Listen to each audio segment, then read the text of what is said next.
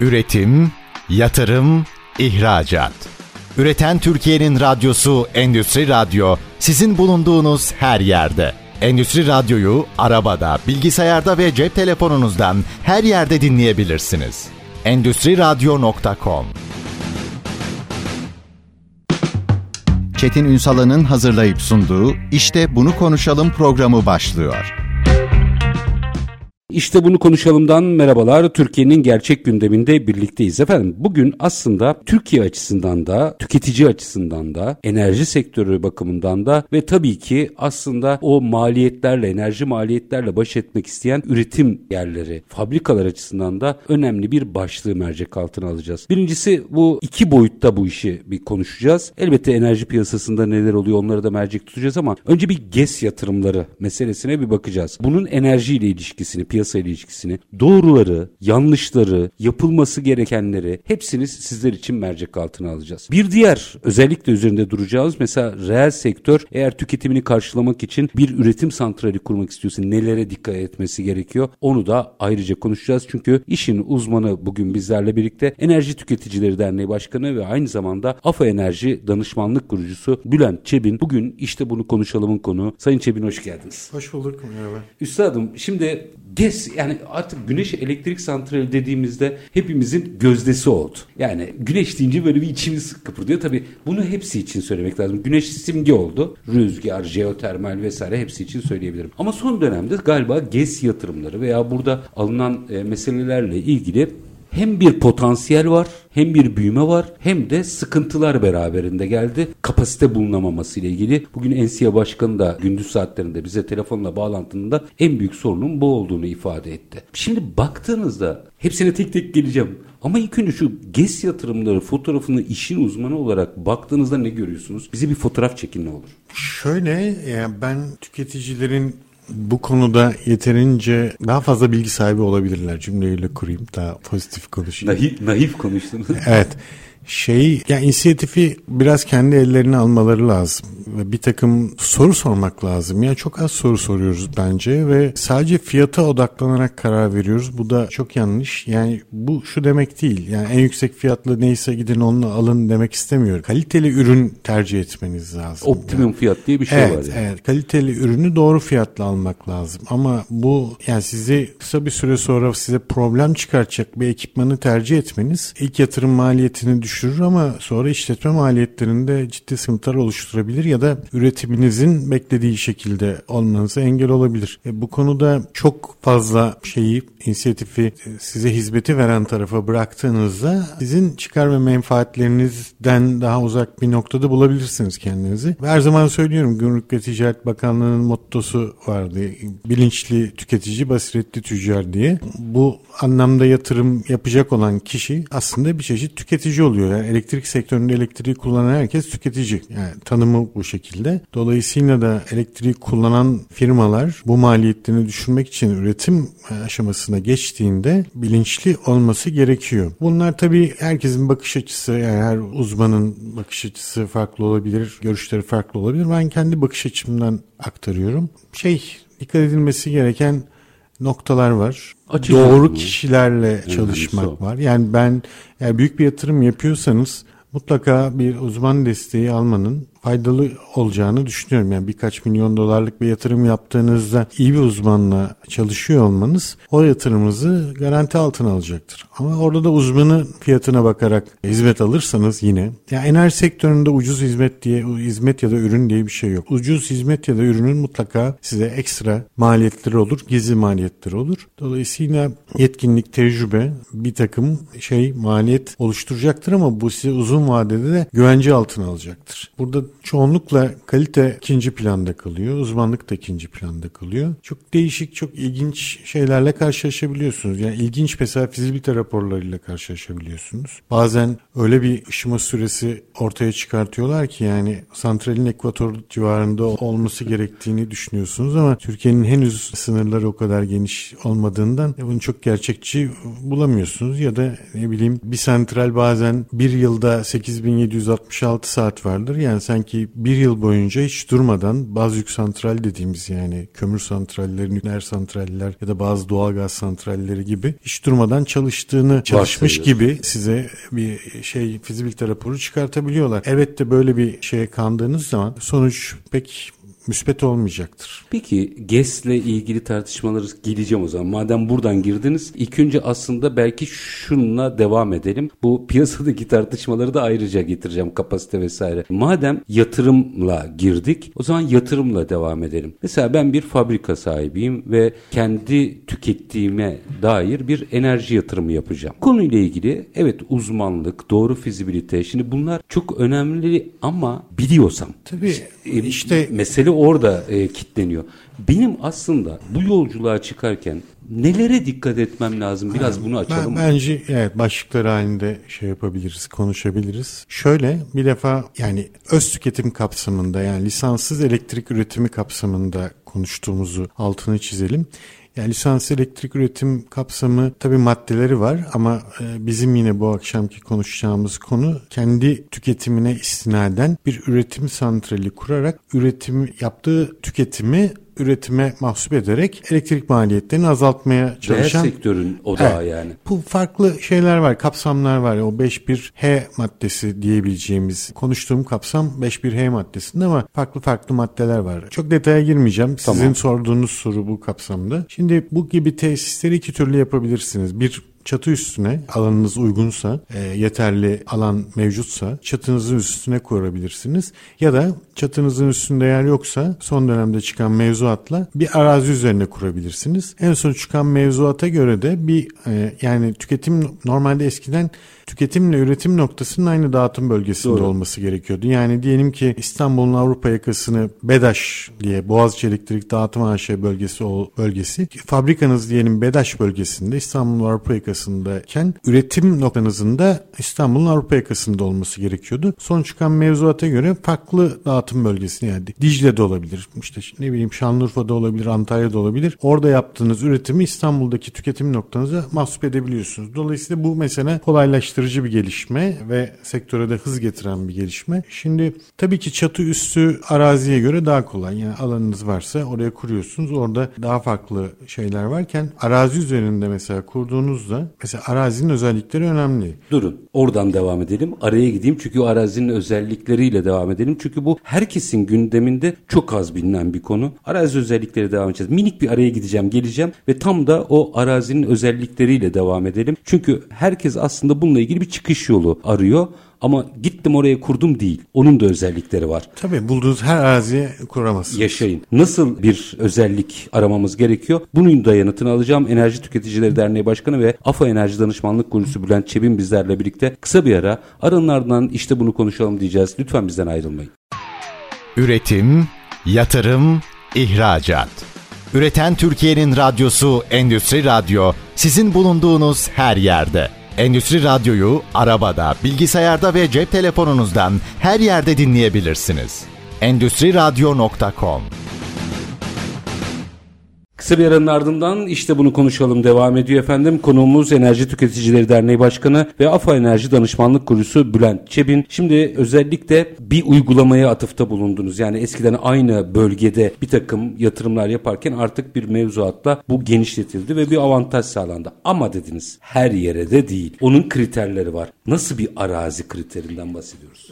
Yani işte bize babadan bir arazi kaldı oraya bir GES santrali kuralım şeklinde bir mantıkla gitmek çok profesyonelce olmayacaktır. Arazinin e, bu işe uygunluğu önemli. Bu hem üretim çıktısı anlamında önemli olduğu gibi hem de e, maliyet anlamında da size bir sonuç doğuracaktır. Dolayısıyla böyle e, zaman kısıtlı olduğu için. Uygunluğundan kastettiğiniz ne? Ya bu mesela şöyle daha kuzeyde daha az ışıma varken daha güneşin ışımasının yoğun olduğu yerler, bölgelerde bir üretim santrali kurduğunuzda sizin bir yılda yapacağınız üretim miktarı daha çok olacaktır. Hmm. Kuzey, Teknik meselelerden tabii, tabii. bahsediyoruz yani. Güney eğimli bir arazi ile kuzey eğimli bir arazi arasında da fark olacaktır. Yani atıyorum Antalya'da bir araziniz olur ama kuzey eğimlidir. Bunun üretim miktarı daha düşük olacağı gibi güney eğimli olduğu zaman daha yüksek olabilir. Bunun gibi böyle teknik bazı durumlar var. Mesela nasıl bir arazi seçmeliyiz böyle hızlı başlıklarla ve çok temel e, başlıklarla e, anlatacağım. Bazen çünkü teknik arkadaşlar diyor ki ya öyle mi olur? E, o zaman işte bir tekniğin yani bir sektör paydaşının diğer sektör paydaşıyla konuşmasından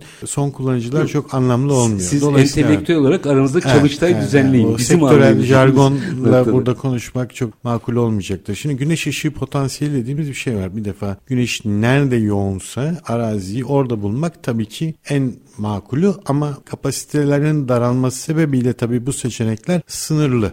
Ama diyelim ki 3 tane arazi var ama pişirme süresi ya da e, işte o güneş ışığı potansiyeli e, hangisinde daha fazlaysa mesela o bir ayrıcı özellik olarak ortaya çıkabiliyor. Biraz önce bahsettiğim gibi arazinin eğimi ve yönelimi bu da önemli. Bu da işte kuzey ve güney olması sebebiyle verimliliği etkilenebilir. Optimum performans için panellerin güneşe doğru bir doğru bir açıda yerleştirilmesi yine önemli. Uygulama önemli evet, yani. Evet. Bunlar mesela bu şeyleri yatırım kararlarını etkileyen unsurlar kurduğunuz arazi üzerinde bu çatı da olabilir. Şimdi araziden çıktığımız için Gölgeleme engeller yine sizin üretiminizi etkileyebilecek unsurlar. Bir defa solar panelin üzerine düşecek bir gölge ya da bina gibi. Ben mesela bir e, müşteriyle görüştüm. İki tane yani çok burası uluslararası bir büyük bir firma. Herkesin tanıdığı. iki tane kulesi var. Ortaya ortadaki alana işte güneş paneli koymak istiyorlar. Böyle bir kafe gibi bir şey var. Fakat komple gölge üzerine düşüyor. Yani ben güneş de, gelmesinde iki tane gölgesi var aslında.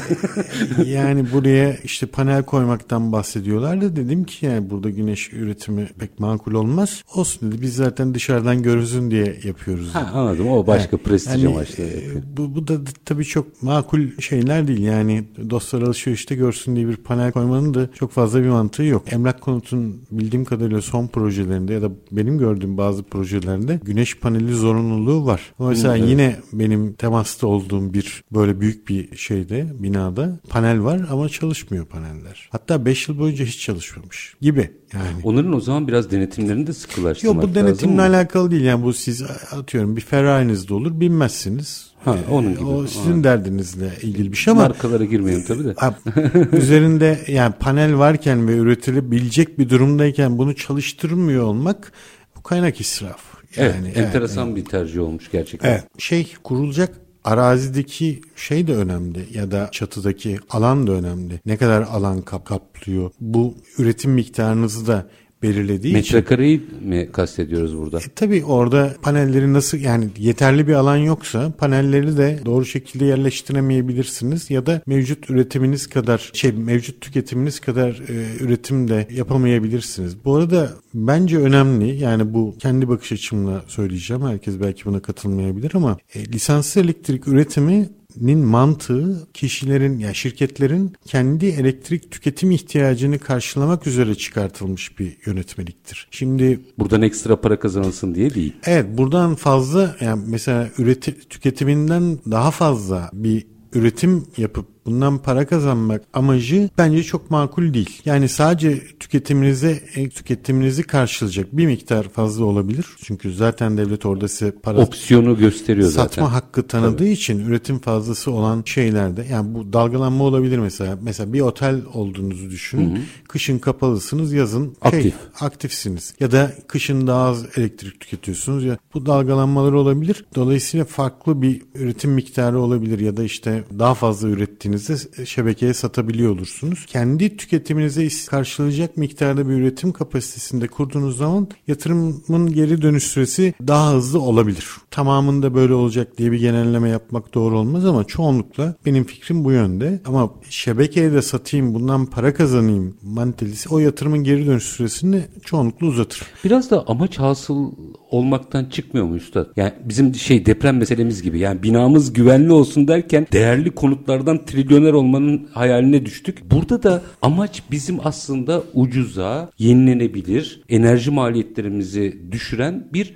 yatırım yapmamız. Aslında benim hep söylediğim gibi devlet burada aslında balık vermek yerine balık tutmanı öğretiyor. İstiyor, tabii. Evet. E şimdi kalkıp siz bu işten para kazanmak amacında olduğunuzda bir defa elektrik üretiminden para kazanmak istiyorsanız lisans alıp elektrik üretmeniz lazım. O zaman haksız rekabet oluyor. Elektrik üreticilerine haksız E rekabet tabii oluyor. lisanslı üreticiler o zaman niye lisans alıyor ki? Tabii. E, para verip lisans alıyorsunuz. Burada yani bu konuyu e, üstünden geçeriz. Çok yüksek tüketimi olan tüketimi olan şirketlerin bence lisanssız kapsamında üretim yapmasını da ben makul bulmuyorum. Biraz açın. Enteresan Yani konu. son dönemde bazen sosyal medyada büyük şirketlerin elektrik tüketimlerine istinaden 200 megawattlık, 100 megawattlık santraller kuracağını, kuracağına dair haberler duyuyoruz. Normal sıradan bir şirket sahibi kapasite bulamazken 1 megawatt, 3 megawatt, 5 megawatt kapasite bulamazken 200 megawattlık kapasiteyi nasıl bulacaklar? Böyle bir şey nasıl mümkün olabiliyor? Şebeke tartışması bir çok elektrik oluyor. piyasasında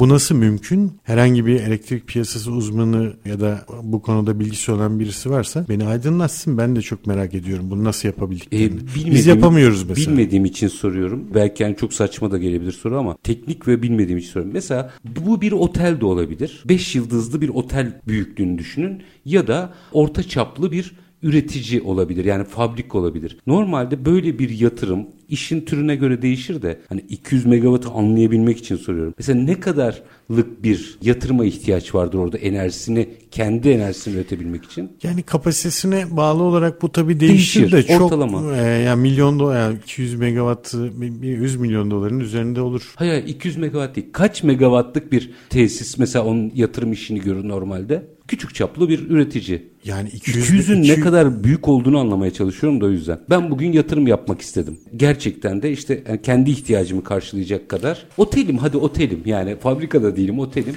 Yani 3 mü 5 mi 4 mü kaçtır benim aslında ihtiyacım? Şöyle ihtiyaçtan ziyade bu konuda yine mevzuat var. Diyor ki işte siz sözleşme gücü mesela sanayi sanayiciler için öyle diyor. İşte ta- tarımsal sulama için diyor ki sözleşme gücünün iki katı kadar üretim kapasitesi kurabilirsin diyor. Güzel, kriteri koymuş devlet. Ben 1 megawatt e- elektrik tüketiyorken işte gidip 50 megawattlık üretim lisans üretim santrali kurabiliriz diye bir şey e, seçeneğiniz mevcut değil. Yani 1 ise 2. Bilemedin Şöyle 2,5'tür. sanayi sanayi tarifesi için evet sözleşme gücünün iki katı. Mesela ticarethane yani bir otel hastane iseniz sözleşme gücünüz kadar kurabiliyorsunuz. Birebir. Evet. Yani biz birlerden, ikilerden, üçlerden bahsederken Kapasite. Sözleşme gücü bir kapasite. Bir de şöyle bir şey var. İşte tüketiminizin iki katını satabiliyorsunuz. Tamam. Yani 100, Ticaretini 100 de bin megawatt yani. saat elektrik tükettiyseniz 200 bin kilowatt saate kadar satabiliyorsunuz. Devlet aslında kuralı koymuş. Bir iş ticarete dönmesin diye uğraşmış anladığım kadarıyla. Peki Ya olması gereken bu. Yoksa de- dediğim gibi yani siz şimdi mesela diyelim ki kocaman bir santral yatırımı yaptınız lisans alıp. Sizin tabi olduğunuz çok ağır şartlar var. Yani şirket sermayenizden uygulamaya ilişkin bir sürü kümlükleriniz var. Diğeri hiç lisans parası ödemeden, hiç o ağır şartlara maruz kalmadan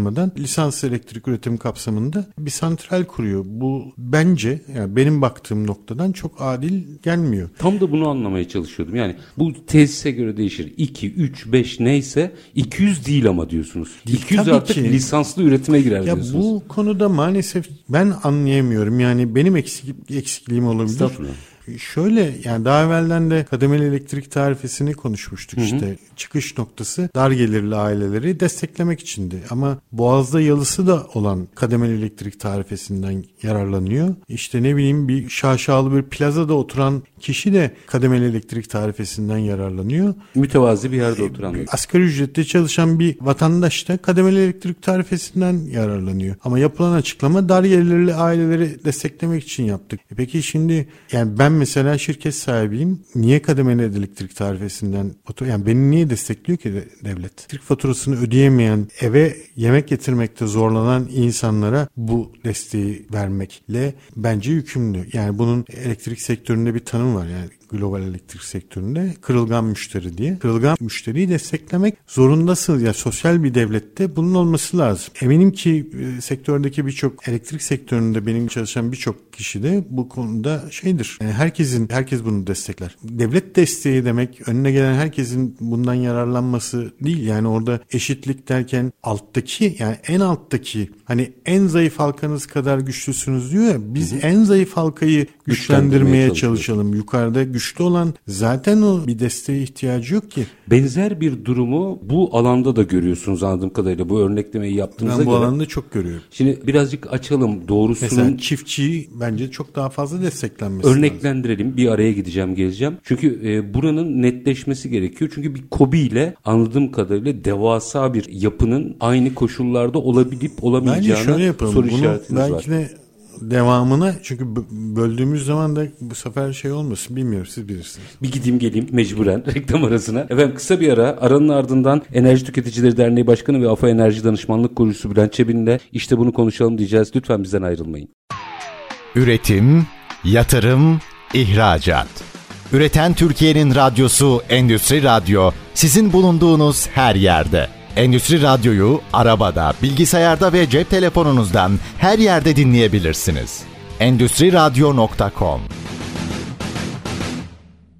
Kısa bir aranın ardından işte bunu konuşalım demeye devam ediyoruz efendim. Konuğumuz Enerji Tüketicileri Derneği Başkanı ve AFE Enerji Danışmanlık Kurucusu Bülent Çebin. Özellikle bu megawattlardan e, gidiyorduk. Ben bir virgül attım. Ne olur devam edin. Üretim tarafına Üretim devam tarafına. değil mi? Evet. Arazinin kullanımı önemli demiştim ya da alan kullanımı. Ulaşım ve altyapı da önemli. Ee, sizin kurduğunuz, tercih ettiğiniz araziye, ulaşım, oradaki altyapının buna uygun olması mesela yolu var mı gibi durumlar, e, seçenekler önemli. Benim çok az bu konuda bilinç olduğunu düşündüğüm bir konunun altını çizmek istiyorum. Lütfen. Şebeke analizi ve altyapı incelemesi diye bizim bir başlığımız var yatırımcıları dikkatini çektiğimiz nokta. Bu konu çok gözden kaçıyor. Tercih ettiğiniz arazi hangi bölgedeyse oradaki elektrik kesintisi kesinti sayı ve süresi önemli. Şebekenin durumu önemli. Yani e, mesela yeni bir şebeke mi, daha eski bir şebeke mi? Hatların durumu önemli. Çünkü sulama birlikleri ne kadar var orada? Yani altyapı çünkü, kalitesinden bahsediyorsunuz. Bir diyelim ki mesela en son ben baktığımda öyleydi. Aradan 5-6 yıl belki daha fazla geçti. Şanlıurfa'da 23 tane sulama birliği var. Hı hı. Şanlıurfa'da bir santral kurduğunuz zaman Bence öyle oluyordur. Tahmini söylüyorum ama orada mesela yüzünüz hiç gülmez. Tarımsal sulama yani pompajlı, pompajlı tarımsal sulama istasyonları çalıştığı zaman e, şebeke çok sıkıntılı bir hale gelebiliyor. Elektrik kesintileri oluyor ve elektrik kesildiği zaman sizin santralinizde üretim yapsanız dahi eğer depolama tesisiniz yoksa yani depolamalı bir GES tesisi değilse şebeke enerji veremezsiniz. Ya bu bu mesela bunu söyleyince çok şaşırıyorlar. Şebeke elektrik kesik olduğu zaman siz enerji üretiyor olsanız dahi şebekeye veremezsiniz. Aktaramıyorsunuz tabii. Net yani bu önemli. Dolayısıyla kurduğunuz bölgedeki bu altyapıyı değerlendirmek lazım. Altyapının ötesinde başka faktörlere de bakmak lazım. Tabii, Sözünüzden tabii. bunu anlıyorum. Altyapı derken altyapı çok tepedeki bir şey e, ifade. Başlık. Altında ya mesela bağlantı mesafesi önemli. Sizin arazinizden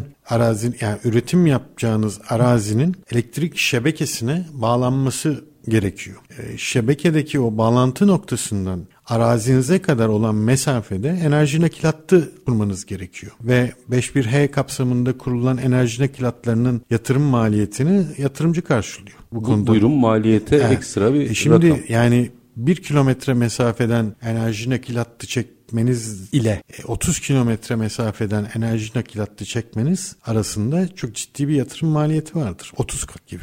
Dolayısıyla size ya böyle bir arazi var işte al sana kapasitede buldum arazide buldum hadi yatırım yap buraya diye geldikleri zaman e, mesela bağlantı mesa mesafesi çok fazlaysa belki sizin yatırım maliyetinizi %30 %40 belki %50 artıracak kim bilir neden bilebilirsiniz. Bunlar konuşulmuyor mu veya göz ardı mı ediliyor? Vallahi benim müdahale olduğum projelerde çok öyle ideal olmadı. Yani şöyle bu söylediğim yanlış anlaşılmasın. Siz uçaktan haberiniz yoksa yani uçak böyle gökten uçarak giden bir araçtan haberiniz yoksa arabayla ya da otobüsle gitmeye devam edersiniz. Yani Amazonlardaki yaşayan pigmelerin dünyadaki teknolojinin haberi yok. E şimdi yani bu bir hakaret anlamında söylemedim. Yok yok çok net anladım. Bilgilenme ile doğru ya, orantılı. Bir yatırımcı alması gereken e, hizmetin içeriğini bilmediği zaman buna dikkat edemiyor. Yani siz araba alırken de mesela ya ben size şöyle bir örnek vereyim mesela dijital fotoğraf makineleri çıktığı zaman işte Amerika'dan bir dijital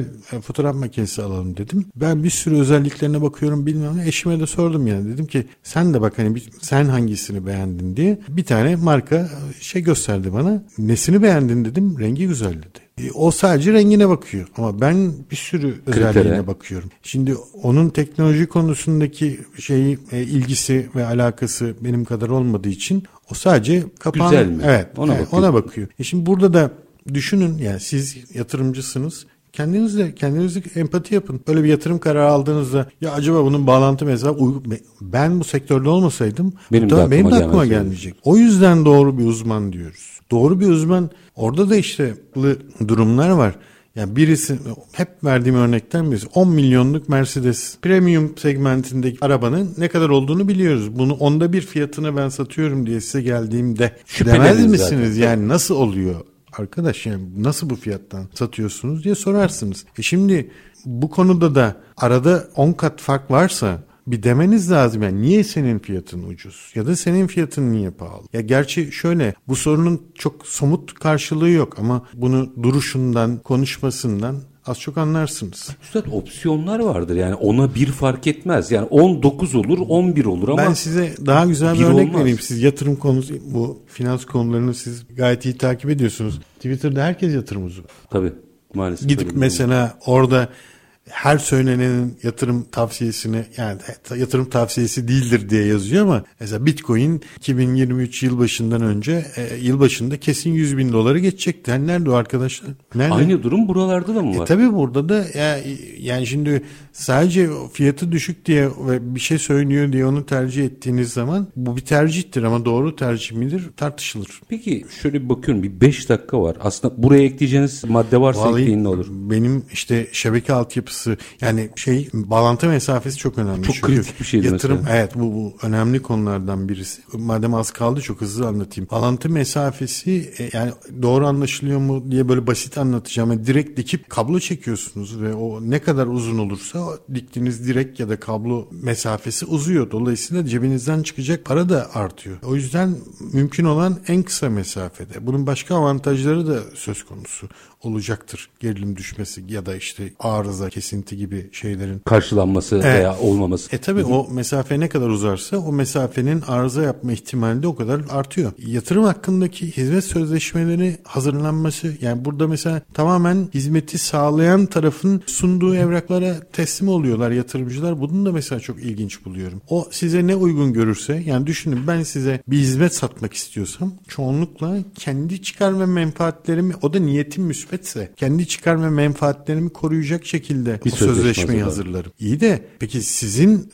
çıkarma menfaatleriniz yani onu bir müzakere etmeniz lazım değil mi? Belki orada size şöyle bir şey var mesela. Ödeme ne zaman yapılacak? Yani tam iş işin bitişi tamamlanmasının son noktası nedir? Yani anahtar tesliminin son noktası Onun nedir? somut konması lazım E, oraya. Onu yazacaksınız yani geçici kabulde mi kesin kabulde mi? Ya bence kesin kabulde olması lazım. İş bitmiş artık. Ama yani %95 herhalde geçici kabulde tamamlanıyor diye düşünüyorum. Yani ben her şey ideal olduğunu farz ederek konuşuyorum ama her zaman öyle olmuyor biliyorsunuz. Dolayısıyla yani hizmet alım sözleşmesi olduğu gibi teknik alım teknik şartnameniz de olması lazım. Yani o o şartnameleri panel müzakere ne- edin diyorsunuz. Ya, ya da hazırlayacaksınız. Veya yani ben olsam karşı tarafa bırakmam. Yani ben ne istediğimi kalem kalem yazarım. Yani siz diyelim ev alacaksınız. İşte mesela banyoda ya da Kullanacak mutfakta seramiği kullanacağınız yazarsınız, tabii. vitrifiyenin markasını yazabilirsiniz. Doğru. Rengini yazabilirsiniz. İşte ne bileyim doğramaların diyelim ki işte ısı cam yani çift cam kullanacaksın. İşte şey Kriterleri koyabilirsiniz e, yani ortaya. yani belirgin belirgin olarak onları yazmanız gerekiyor. Aynı şey bu sözleşmelerde de mi yapılabilir? Yapılmalı. Hangi sözleşmeler? Yani e, bu tip Tabii yatırım şimdi sözleşmeleri. hi- hizmet sözleşme yatırım Hizmetten bahsediyorum. Hizmet sözleşmesi ayrı olması lazım. Teknik şartnamenin ayrı olması lazım. Yani ya da te- teknik şartnamesi, hizmet şartnamesi diyebilirsiniz. Önemli değil. Orada neyin ne yapılacağını tamamen yazması lazım. İşte projenin tanımı, teknik özellikleri, güvenlikler, güvenlik iş sağlığı. Orada mesela bir işçiye bir şey oldu. Kim sorumlu? Çalışan şantiye sahasında. Bir iş kazası, evet, bir iş, bir iş kazası oldu. Sorumlusu kim? Bunların hepsi göz ardı mı ediliyor? Yani ben bu soruları soran çok fazla denk gelmedim. Belki benim tecrübesizliğimden kaynaklıdır. Yani Estağfurullah artık yani. Şöyle yok ben güneş sektöründe hani çok fazla saha tecrübesi yani şantiyeye gidip orada duran birisi değilim. Daha çok şey aşamasında, karar aşamasında yer alan birisiyim ama hani olması gerekenin ne olduğunu da aşağı yukarı tahmin edebiliyorum sektörel tecrübeden kaynaklı. İnşaat montajı ne olacak? Bize hatalı montaj yaptı, hatalı imalat yaptı, kabloyu doğru yerden geçirmedi. Ne olacak? Ya bunun mesela ya da şöyle danışmanlık dediğiniz şey gidip dizine kadar çamurda o şantiyede onu işin başında olması lazım. İstanbul'dan oturup danışmanlık yaptığınız zaman onu bin dolara da yaparsınız. Öyle bir şey yok ki. Orada sizin yani nasıl evde bir işiniz olduğu zaman ustanın başında durmuyor musunuz? Ustanın Tabii, başında aynı şey. durmadığınız zaman istediğinizle, söylediğinizle sonucun aynı olmadığı çok bunu çok yaşamışsınızdır. Aynı şey orada da. Siz işinizin başında durmadığınızda bunu spesifik olarak sözleşmeye, şartnameye yazmadığınızda başınıza ne gelmesini beklersiniz ki? Yani bu inanılır gibi değil mesela. Bunların daha çok konuşulması ve İşletme tartışılması bakımını gerekiyor. kim yapacak? Ha sonrasında tabii Test işletme devreye alma. Tabii yani panellerin sertifikası bile doğru olmayabilir.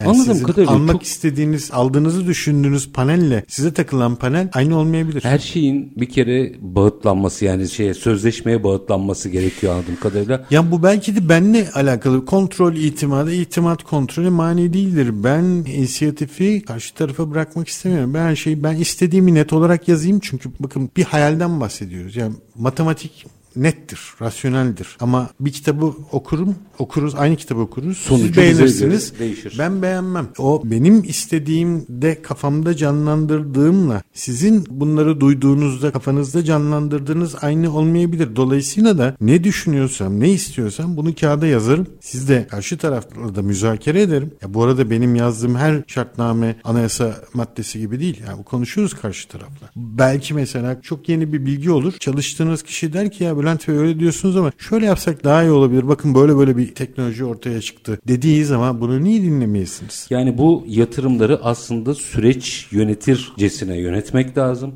Düz metinlerden ibaret değil. Düz her yatırım mutlaka güneş yatırımı değil. Her arazi buna uygun olmayabilir gibi Tabii. gibi bence çok önemli Bir de bilgiler verdiniz. yapılan yapılan işin de şartnameye uygun olup olmadığını da kontrolü lazım. Bu da sözleşmeyle bağıtlanır. Süren bitti ama son bir soru sorayım. Son bir cevap alayım. Bütün bunları yaptım. Şu anda sektörde en çok tartışılan şey de demin o hani 200'e atıfta bulundunuz ama şebekede yer yok. Yani bunu nasıl çözeceğiz? Kapasite yok. E, yani. yatırım gerekiyor tabii. Bu kapasiteler yani aslında bir önceki bakan Fatih Dönmez'in yani daha önceki toplantılarda işte kapasite açılacağıyla alakalı açıklamaları vardı ve son dönemde de aslında açıklanan kapasiteler oldu ama açıklandığı gibi biten kapasiteler de oldu. O şey gibi işte diyelim ki konser bileti satılıyor işte en ön tarafta yayınlandığı anda ya satışa çıktığı anda diyor, bir bakıyorsunuz bilet kalmadı. Nasıl ya yani, yani daha 30 saniye olmadan nasıl bilet biter? Acaba hani ön tarafta 100 kişi varsa ya o 100 kişi böyle bir, bir dakikada bitmez değil mi? Bir şey lazım. Blok alımlara dikkat etmek Ee, lazım. Biz Fenerbahçe işte oradaki zaman şef-